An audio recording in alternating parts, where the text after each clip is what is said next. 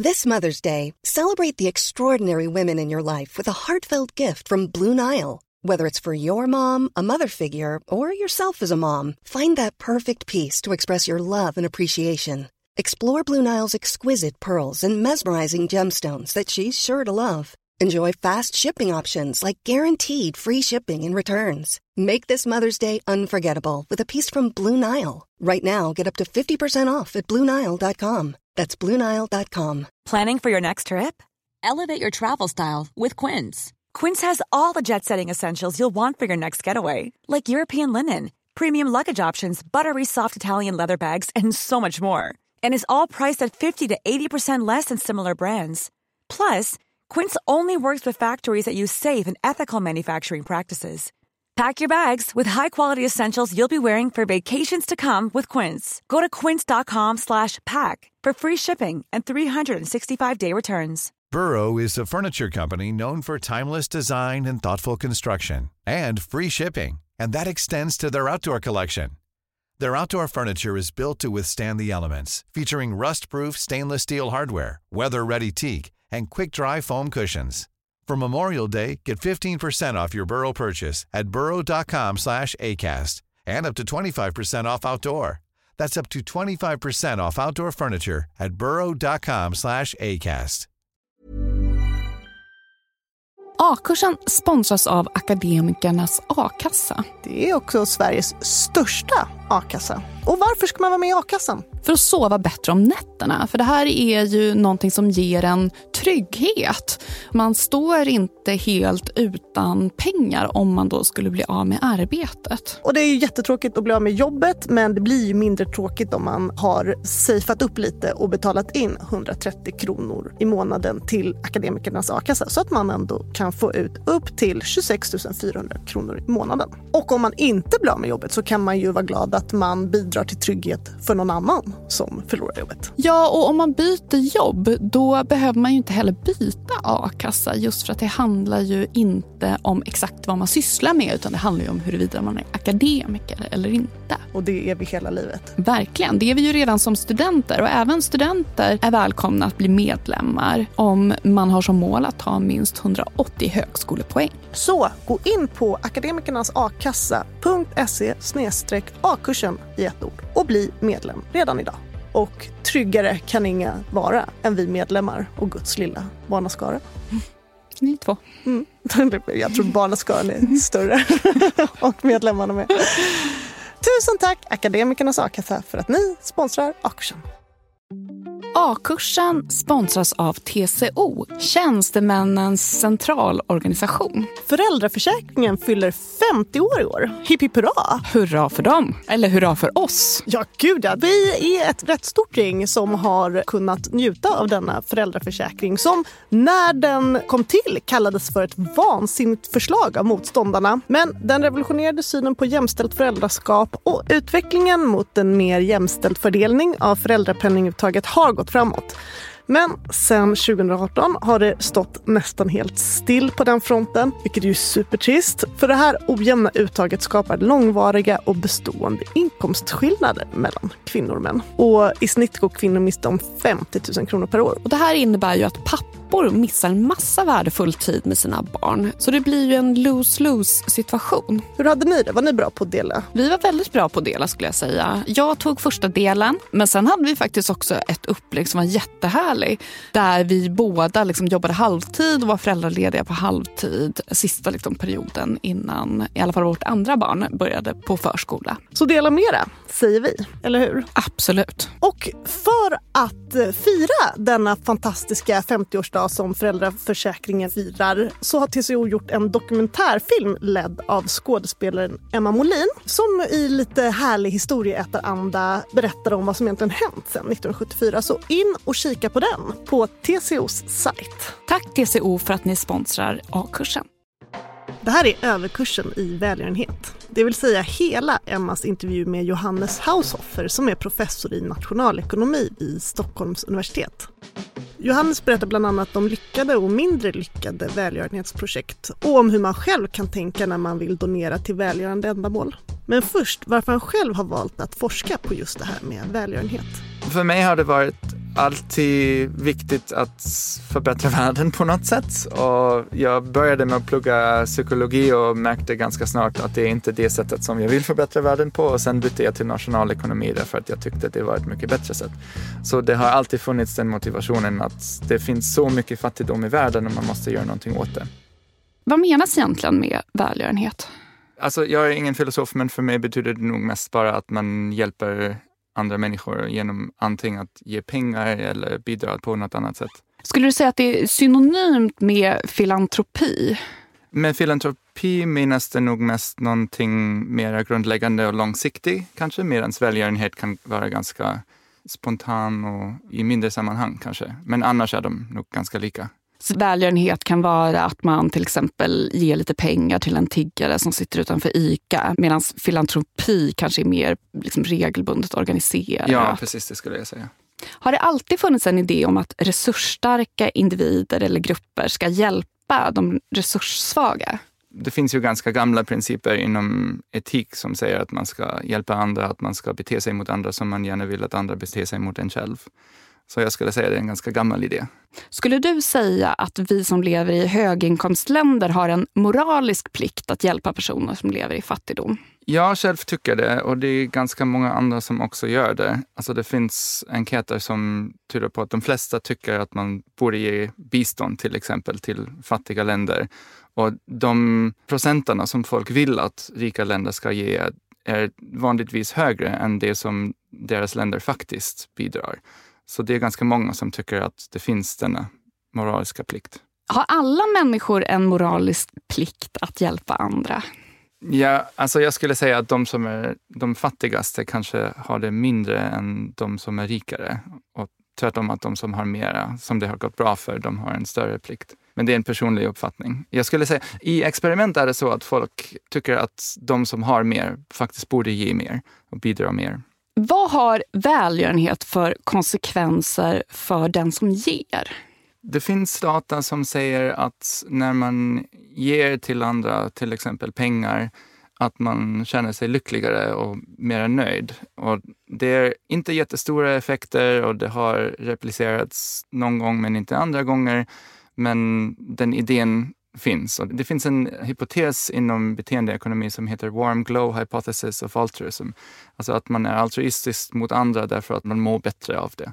Så den idén finns, att det finns nog någonting i det. Och hur mycket är lagom att ge? Är det en viss andel av ens totala inkomst eller när det kommer till bistånd är det liksom en viss procent av landets BNP? Ja, alltså det finns som sagt enkäter där man frågar människor vad de tycker man ska ge och det typiskt några procent av BNP som folk svarar och det är ofta ganska mycket högre än det som deras länder faktiskt bidrar. Sen kan man tycka att om man verkligen vill tänka det igenom systematiskt, om man verkligen är fullt altruistiskt, att man kanske vill ge så mycket att andra mår lika bra som en själv. Alltså att man ger till den marginala kronan leder till lika mycket nytta hos den andra än hos en själv. Det är ganska få som gör så. Så för att vara mer praktiskt, det finns en grupp som kallar sig för effektiva altruister, de som tycker att man borde ge på det mest effektiva sättet. Och Peter Singer som är del av den gruppen som har skrivit mycket om det här temat säger till exempel att man borde ge typ en procent av sin egen inkomst. Och det är många inom den rörelsen som ger betydligt mera, jag ger lite mera själv. Men det är kanske en tumregel som man kan följa. För jag menar, ger man alldeles för mycket då kanske det kan påverka ens eget välbefinnande om man liksom tvingas leva under existensminimum. Ja, absolut. Alltså Men det är det väl ingen som menar att man borde liksom ge så mycket? Alltså, det finns ju argument inom etik som säger att om man nu värdelägger den andras välmående lika mycket som sin egen, då borde man ge precis till den punkten där som sagt den marginala kronan påverkar den andra mindre än en själv. Det är bara då som man har faktiskt uppfyllt det här kravet som man ställer på sig själv, att den andra ska må lika bra som en själv. Men jag tror det är ganska få som faktiskt tror på det i verkligheten eller agerar på det sättet. Vad får då välgörenhet för konsekvenser för mottagaren? Det beror ganska mycket på hur man gör det. Och det som jag jobbar med i min egen forskning är att utvärdera hur pass bra välgörenhet fungerar. Alltså vi kör stora fältexperiment där vi testar olika interventioner mot fattigdom och kollar vilka faktiskt fungerar och vilka inte gör det. Och de som fungerar, de är väldigt effektiva. Alltså man kan rädda liv för väldigt lite pengar, speciellt i de fattigaste länderna. Och tvärtom så finns det interventioner som inte funkar bra alls och som inte gör mycket skillnad och då kan man lika gärna låta bli. Har du några exempel på interventioner som inte fungerar? Kanske inte på det extrema viset som jag precis uttryckte det, att de inte fungerar alls. Men ett bra exempel är kanske mikrofinans som man trodde i början att det var en fantastiskt bra idé, att det skulle liksom gör att det finns ingen fattigdom längre. Och sen med tiden märkte man att det fungerar på ett visst sätt, men inte lika bra som man egentligen hade förväntat sig. Att folk kommer ut ur fattigdom helt och hållet. Vad menas med mikrofinans? Ja, mikrofinans betyder att man ger lån till fattiga människor, ofta utan garantier eller med sociala garantier, alltså att de tar lån i en grupp och så finns det viss social press inom gruppen att man måste betala tillbaka lånet. Och mest för företag, alltså små företag, kiosker och sådär, eller till bönder. Och det är som sagt väldigt små belopp, alltså några dollar ibland och de betalar tillbaka som man betalar tillbaka en vanlig lån. Och tanken är att man går steg för steg genom större och större lån och till slut så blir man medelklass. Men det verkar inte riktigt fungera på det sättet, utan det funkar på ett visst sätt. Alltså folk har mer stabil inkomst genom det. De använder det mest för att jämna ut sin inkomst. Men det har inga stora effekter på tillväxt och välmående på lång sikt. Men jag trodde att just här mikrolån till kvinnor, har inte det nästan varit en sån här ekonomiprisbelönad Ja, fredsnobelpris delades ut till Mohammed Yunus som grundade Grameen Bank i Bangladesh som är en, en av de första och största banker som jobbar med mikrofinans. Och nu finns det ganska många randomiserade studier på just mikrofinans för kvinnor. Och som sagt, alltså de är inte direkt dåliga för folk. De hjälper ju på ett visst sätt, men kanske inte på det sättet som man egentligen hade förväntat sig, att det blir ett slut på fattigdom, att de graduerar till medelklass. Det händer tyvärr inte i de flesta fallen, i de allra flesta fallen och visst inte i genomsnitt. Men det som händer istället är att de kan jämna ut sin inkomst lite grann. Alltså det hjälper dem ändå. Det är en bra grej, det borde existera, men det är inte den lösningen till global fattigdom som vi hade hoppats en dag att det kanske skulle kunna vara. Och vilka faktorer kan då innebära att det har en större nytta för mottagaren? Det är svårt att kategorisera att det finns vissa faktorer som alltid funkar och som aldrig funkar. Um, en sak som vi har lärt oss under de sista årtionden där folk har hållit på med den här experimentella forskningen är just att det spelar ganska mycket roll hur kontexten ser ut i varje enskilt fall och hur interventionen ser ut och så vidare. Men jag kan nämna några exempel kanske av saker som har fungerat väl. Jag har jobbat ganska mycket med kontantöverföringar som till motsats till mikrofinans innebär att man bara ger pengar till familjer, fattiga familjer, utan krav att betala tillbaka. Och tanken är då att de vet själv bättre hur de ska använda pengarna än man själv eller en biståndsorganisation till exempel. Och då kan de använda pengarna på det bästa sättet. Och för det mesta fungerar det ganska bra. Jag är kanske mindre positiv än några andra kring det, men det har ganska stora effekter på konsumtion, på lycka, på våld inom familjen. Så det fungerar ganska bra för en viss tid. Det är inga jättestora effekter och de går bort efter några år. Men jag skulle säga det är ett exempel av någonting som fungerar ganska bra. Och sen finns det ganska många små interventioner som ofta har med beteende att göra som också fungerar bra. Alltså till exempel i Nobelmuseet i Gamla stan står det en blå box som heter en dispenser. Det ser ut som en sån grej där man tar tvål i ett offentligt badrum. Och den har Michael Kramer ställt dit och i den här boxen finns det inte tvål utan klor som folk kan använda för att rengöra sitt dricksvatten i fattiga länder. Och tanken är alltså att klor är ganska billig och när man gör det enkelt för folk att använda det, att de inte glömmer bort det, att man ställer upp en sån grej precis där de hämtar vatten, att de faktiskt kommer ihåg att de använder det för att klorinera sitt vatten. Och det fungerar jätte, jättebra. Folk gör det och det minskar barnadödlighet och har varit ganska framgångsrik. Och det är en otroligt billig intervention. Alltså det kostar inte mycket att ställa de här grejerna vid en vattenkälla och klor själv kostar inte mycket.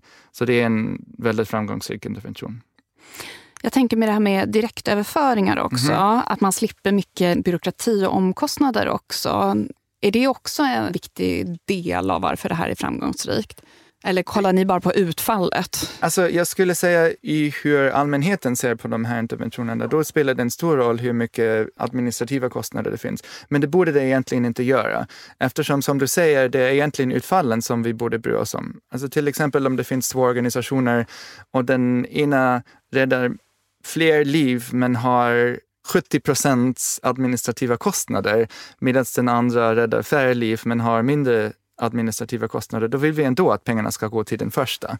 Därför att det är egentligen utfallen som vi intresserar oss för och inte just de administrativa kostnaderna. Nu är det såklart säkert så att det korrelerar ibland.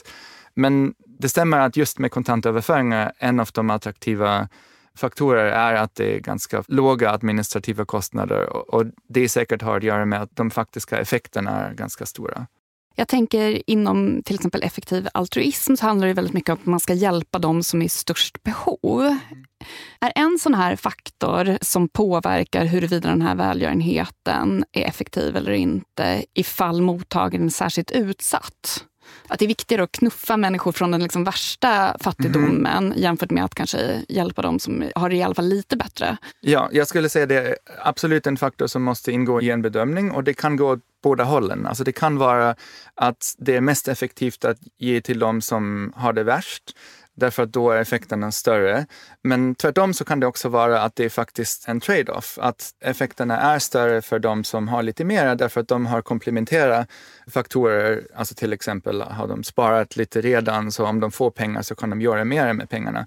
Och just med kontantöverföringarna verkar det faktiskt vara så att de som har lite mer till att börja med, de har större effekter. Nu kan man ändå tycka att man borde fortfarande ge till de som har lite mindre därför att även de små effekterna när man börjar på ett lägre nivå är ändå viktigare än de större effekterna för de som har lite mer till att börja med. Men det är en moralisk bedömning som en politiker eller någon som vill donera måste göra. Men det här indikerar ju ändå att det är lite svårt ändå att definiera vad som är mest effektivt när det gäller välgörenhet. Ja, absolut. Alltså, jag tror vi har kommit ganska långt i att utvärdera olika interventioner och säger okej, okay, det här händer när vi gör det här, det här händer när vi gör det här. Men det är komplicerat att komma fram till ett tydligt svar. Det är ofta många olika utfall till exempel som är påverkade av en viss intervention. Kontantöverföringar är ett bra exempel eftersom de har så stora och breda effekter. Och sen är det också så att man måste jämföra de olika interventionerna mot varandra. Det är inte klart hur man vill värdesätta till exempel ett människoliv jämfört med ökad konsumtion eller lycka. Och sen är det som sagt den här motsatsen att ibland är det så att de största effekterna finns för de som redan har lite mera. Så det är ingen enkel grej, men eh, det är bättre att göra det på ett systematiskt sätt än inte alls. Mother's Day is around the corner. Find the perfect gift for the mom in your life with a stunning piece of jewelry from Blue Nile. From timeless pearls to dazzling gemstones, Blue Nile has something she'll adore. Need it fast? Most items can ship overnight. Plus, enjoy guaranteed free shipping and returns. Don't miss our special Mother's Day deals. Save big on the season's most beautiful trends. For a limited time, get up to 50% off by going to Bluenile.com. That's Bluenile.com. Millions of people have lost weight with personalized plans from Noom like Evan, who can't stand salads and still lost 50 pounds. Salads, generally, for most people, are the easy button, right? For me, that wasn't an option. I never really was a salad guy. That's just not who I am. But Noom worked for me. Get your personalized plan today at Noom.com. Real Noom user compensated to provide their story. In four weeks, the typical Noom user can expect to lose one to two pounds per week. Individual results may vary. I'm Sandra, and I'm just the professional your small business was looking for. But you didn't hire me because you didn't use LinkedIn jobs. LinkedIn has professionals you can't find anywhere else, including those who aren't actively looking for a new job but might be open to the perfect role, like me. In a given month, over 70% of LinkedIn users don't visit other leading job sites. So if you're not looking on LinkedIn, you'll miss out on great candidates like Sandra. Start hiring professionals like a professional. Post your free job on linkedin.com/people today.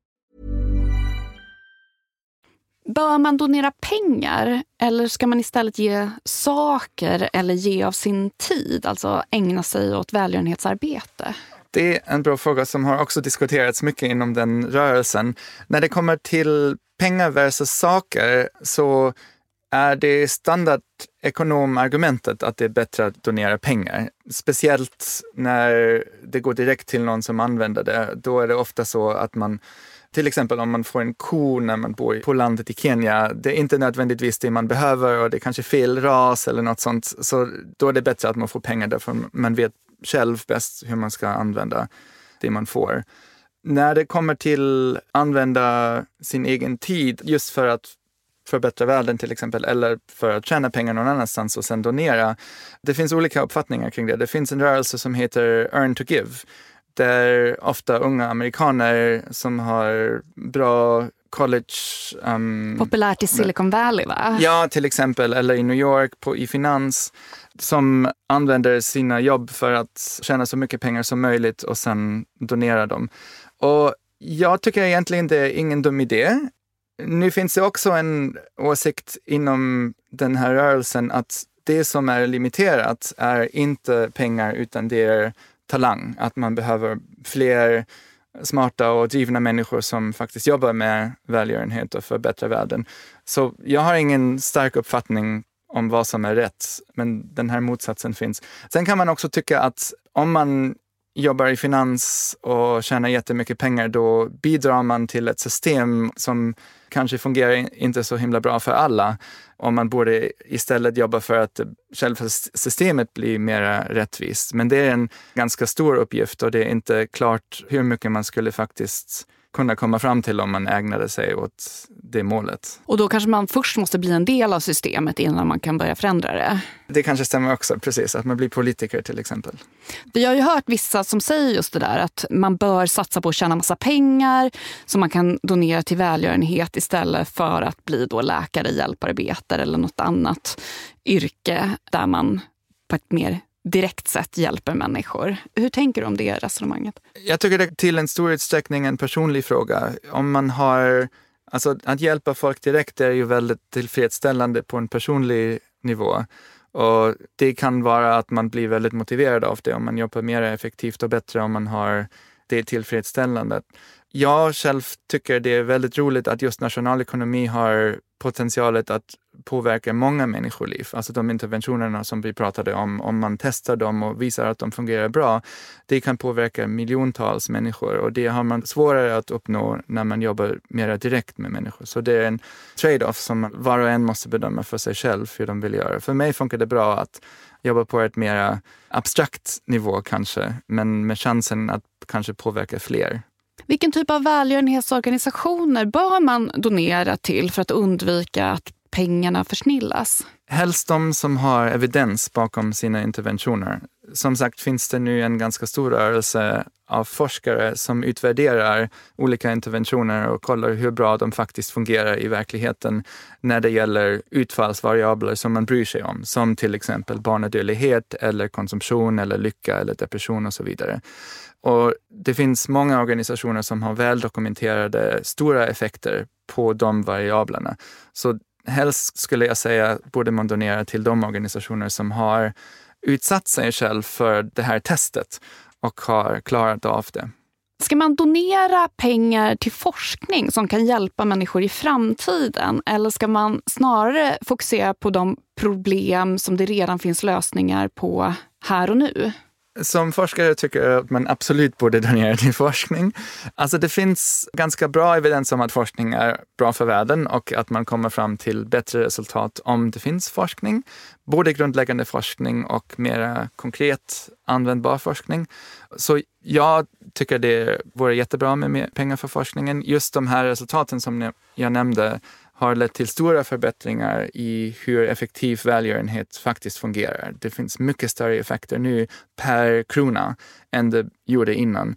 Och det är störstadels därför att det finns mycket mer finansiering för forskning som faktiskt kan komma fram till de resultaten. Så jag skulle säga att det är jättebra med mer pengar för forskning. Samtidigt är det klart att man kan inte börja finansiera bara forskning nu och sluta finansiera välgörenhet som hjälper här och nu. Det är klart att det måste finnas båda. Men jag vet att till exempel effektiv altruism har fått kritik också för att de fokuserar väldigt mycket på liksom framtida och avlägsna risker. Ja. Vad tänker du om det? Det har jag också hört. Jag är inte så himla insatt i de diskussioner. För mig låter det plausibelt att det finns mycket mer människor i framtiden och stora risker i framtiden, att man borde ägna resurser åt det. Samtidigt känner jag att om man verkligen vill fokusera ganska mycket resurser på det, att man måste samtidigt tro att framgångarna som kommer finnas mellan nu och då är inom vetenskap och teknologisk utveckling och så vidare är så pass små att de pengarna som man spenderar nu faktiskt är det mest effektiva sättet att åtgärda de framtida problemen. Och jag tycker det är nog bättre att jobba här och nu och kanske tro lite optimistiskt att de framtida problemen också kommer ha framtida lösningar som är inte upphittade ännu men kommer att bli det. Om man förlitar sig för mycket på välgörenhet, kan det innebära att vissa grupper eller problem prioriteras på ett sätt som missgynnar de mest utsatta? Ja, det potentialet finns absolut och det kanske har lite att göra med frågan om man ska lita mer på välgörenhet än på statlig intervention till exempel.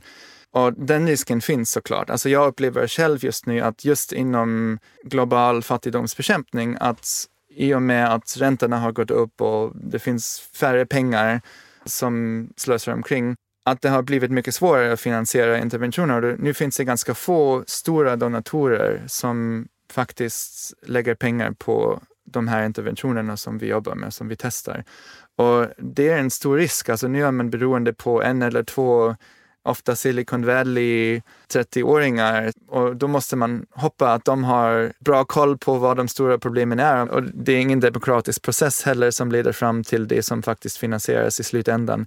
Så det finns risker med det skulle jag säga, absolut. Och en följdfråga på det. Är det inte bättre att höja skatten för rika än att förlita sig på välgörenhet?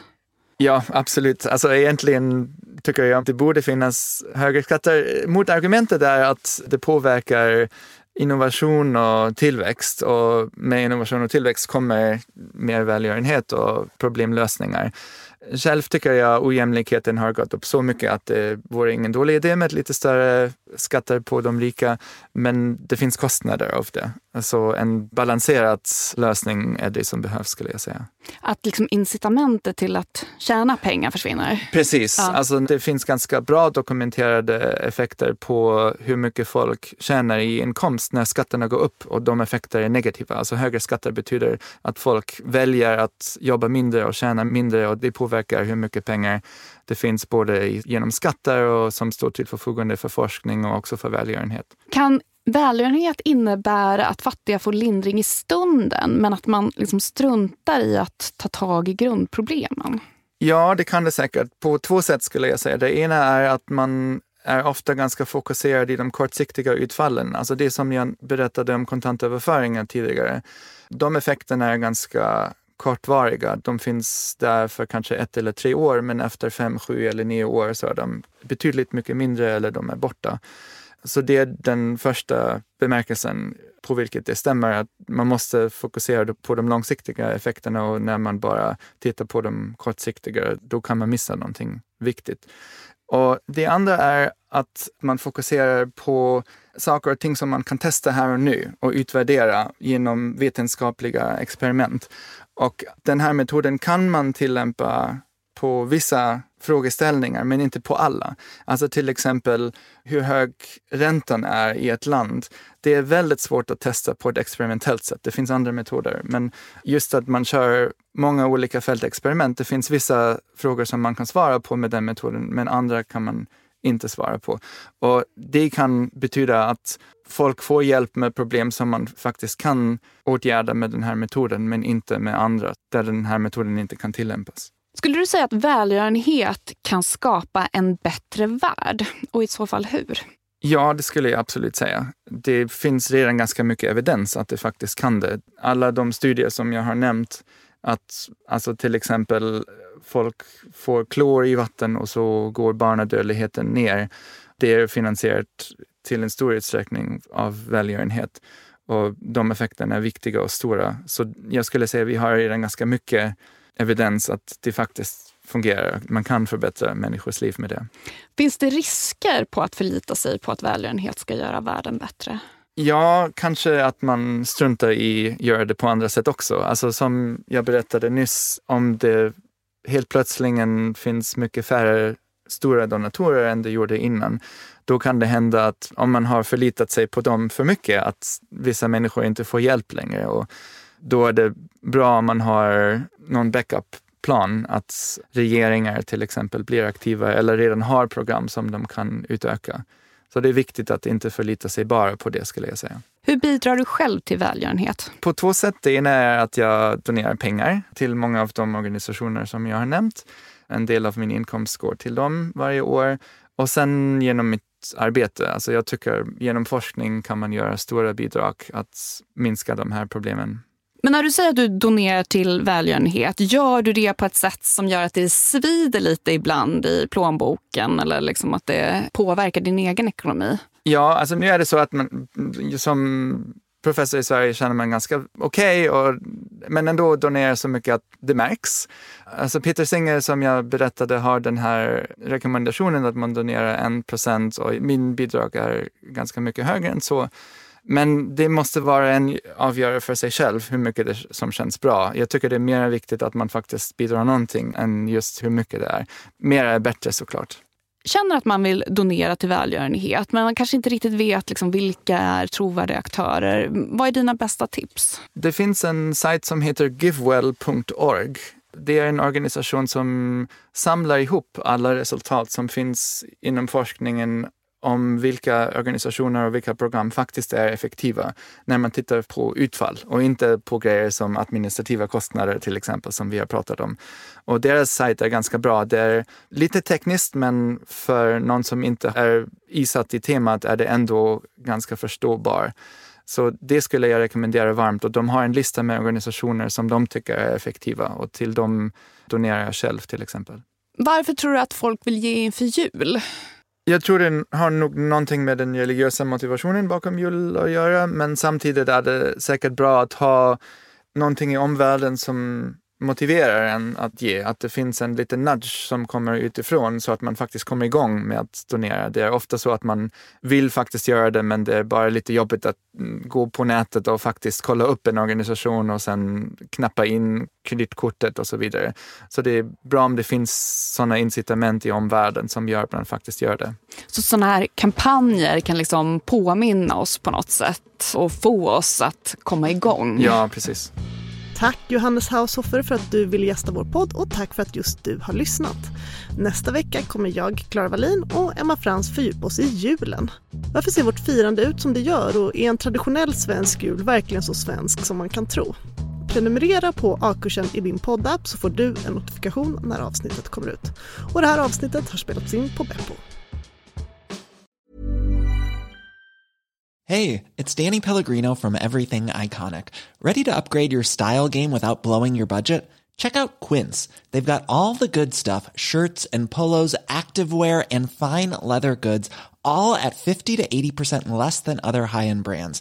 And the best part? They're all about safe, ethical, and responsible manufacturing. Get that luxury vibe without the luxury price tag. Hit up quince.com slash upgrade for free shipping and 365 day returns on your next order. That's quince.com slash upgrade.